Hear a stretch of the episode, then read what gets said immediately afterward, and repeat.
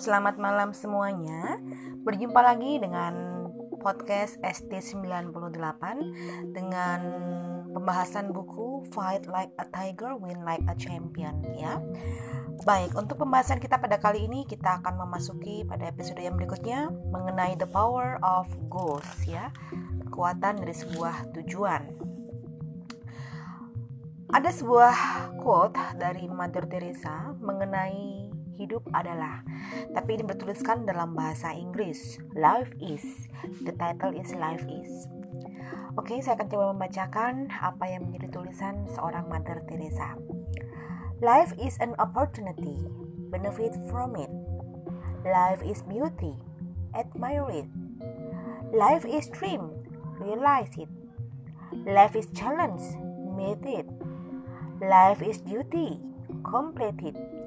Life is game. Play it. Life is a promises. Fulfill it. Life is sorrow. Overcome it. Life is song. Sing it. Life is struggle. Accept it. Life is tragedy. Confront it. Life is an adventure. Dare it. Life is luck. Make it. Life is too precious. Do not destroy it. Life is life. Fight for it. Oke okay, ya. Nah, baik.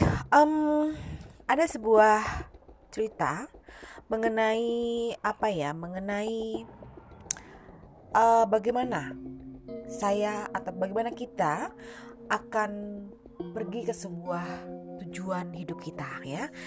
Ceritanya cukup menarik karena menceritakan sebuah konsep seorang pemuda yang bertanya kepada seorang kakek tua mengenai arah jalan yang dituju. Baik, saya akan coba, membacakan kisahnya. Pada suatu hari di sebuah persimpangan jalan di perbatasan kota, seorang anak muda sedang mengendarai mobilnya berhenti. Ia terlihat kebingungan Sementara itu di salah satu sudut jalan di bawah pohon rindang, terlihat seorang kakek bijak sedang duduk santai sambil mengisap kreteknya. Lalu kemudian sang anak muda pun menghampiri sang kakek dan bertanya, Kakek, jalan mana yang harus saya ambil? Kakek itu pun balik bertanya, Kamu ingin pergi ke mana? Tidak tahu, jawab si anak muda itu.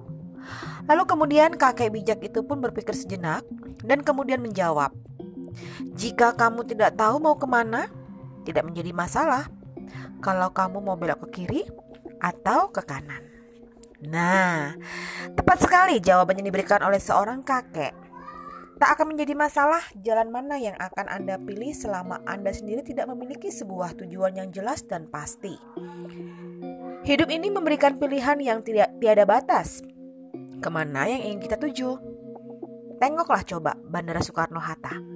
Jika Anda tiba di terminal keberangkatan, lihatlah begitu banyak tujuan dengan pesawat yang berbeda ke banyak tujuan di seluruh dunia. Setiap pilihan akan membawa Anda ke tempat yang berbeda. Hal ini pula lah yang sama juga terjadi dengan pilihan hidup kita. Dalam hidup sering kali kita dihadapkan pada permasalahan seperti ini. Membawa ke arah manakah kita ini seharusnya? Salah satu penyebabnya adalah karena kita tidak memiliki tujuan atau goals yang jelas dari awal kita melangkah. Hidup ini persis sama seperti permainan jigsaw. Potongan-potongan kecil yang sengaja diajak agar supaya kita berpikir untuk meletakkannya pada posisi yang tepat. Manakala Anda mendapatkan suatu hadiah permainan jigsaw dengan seribu potongan kecil yang terpisah, anda pasti tidak dapat merangkainya jika Anda tidak tahu hasil akhir dari gambar yang ingin Anda rakai. Yang Anda butuhkan adalah gambar akhir. Otak Anda sama dengan permainan jigsaw ini. Ia harus dapat melihat hasil akhir sebelum dapat mulai fokus merangkai gambar itu. Oleh karenanya, kita perlu melihat dengan jelas tujuan dalam diri dan pikiran kita. Baik Bapak Ibu ya, uh, sungguh sangat penting sekali memiliki sebuah konsep dari tujuan. Karena memang uh, kalau kita nggak ada tujuan terkesan kita bebas melangkah ke kiri atau ke, ke kanan. Kadang kita mendengarkan sebuah konsep dari seseorang adalah hidup itu jalannya padanya saja. Nah, ini yang kadang-kadang mungkin juga kita harus coba uh, cermati ya. Terkadang kalau kita hidup ada apa aja uh, tidak ada tujuan yang jelas, ini akan malah menurut saya tadi adalah sebuah konsep yang mungkin membuang-buang tenaga, membuang-buang waktu. Tapi mungkin beberapa orang ya udahlah jalani saja apa adanya gitu kan. Nah, tidak masalah orang itu memilih seperti apa karena masing-masing orang memiliki pendirian yang sesuai dengan apa yang menjadi karakternya. Cuman mungkin yang uh, mau disampaikan di dalam penulisan ini adalah kekuatan sebuah tujuan itu sangat sangat dahsyat ternyata ya. Jadi kalau kita sudah setting kita punya tujuan dalam hidup kita dan kita punya cara untuk mencapainya, yang terjadi sungguh luar biasa daripada apa yang menjadi ending daripada hidup kita. Sehingga harapannya uh, segala sesuatu yang terkait dengan impian atau harapan kita ini dengan adanya tujuan dapat mudah tercapai, gitu ya.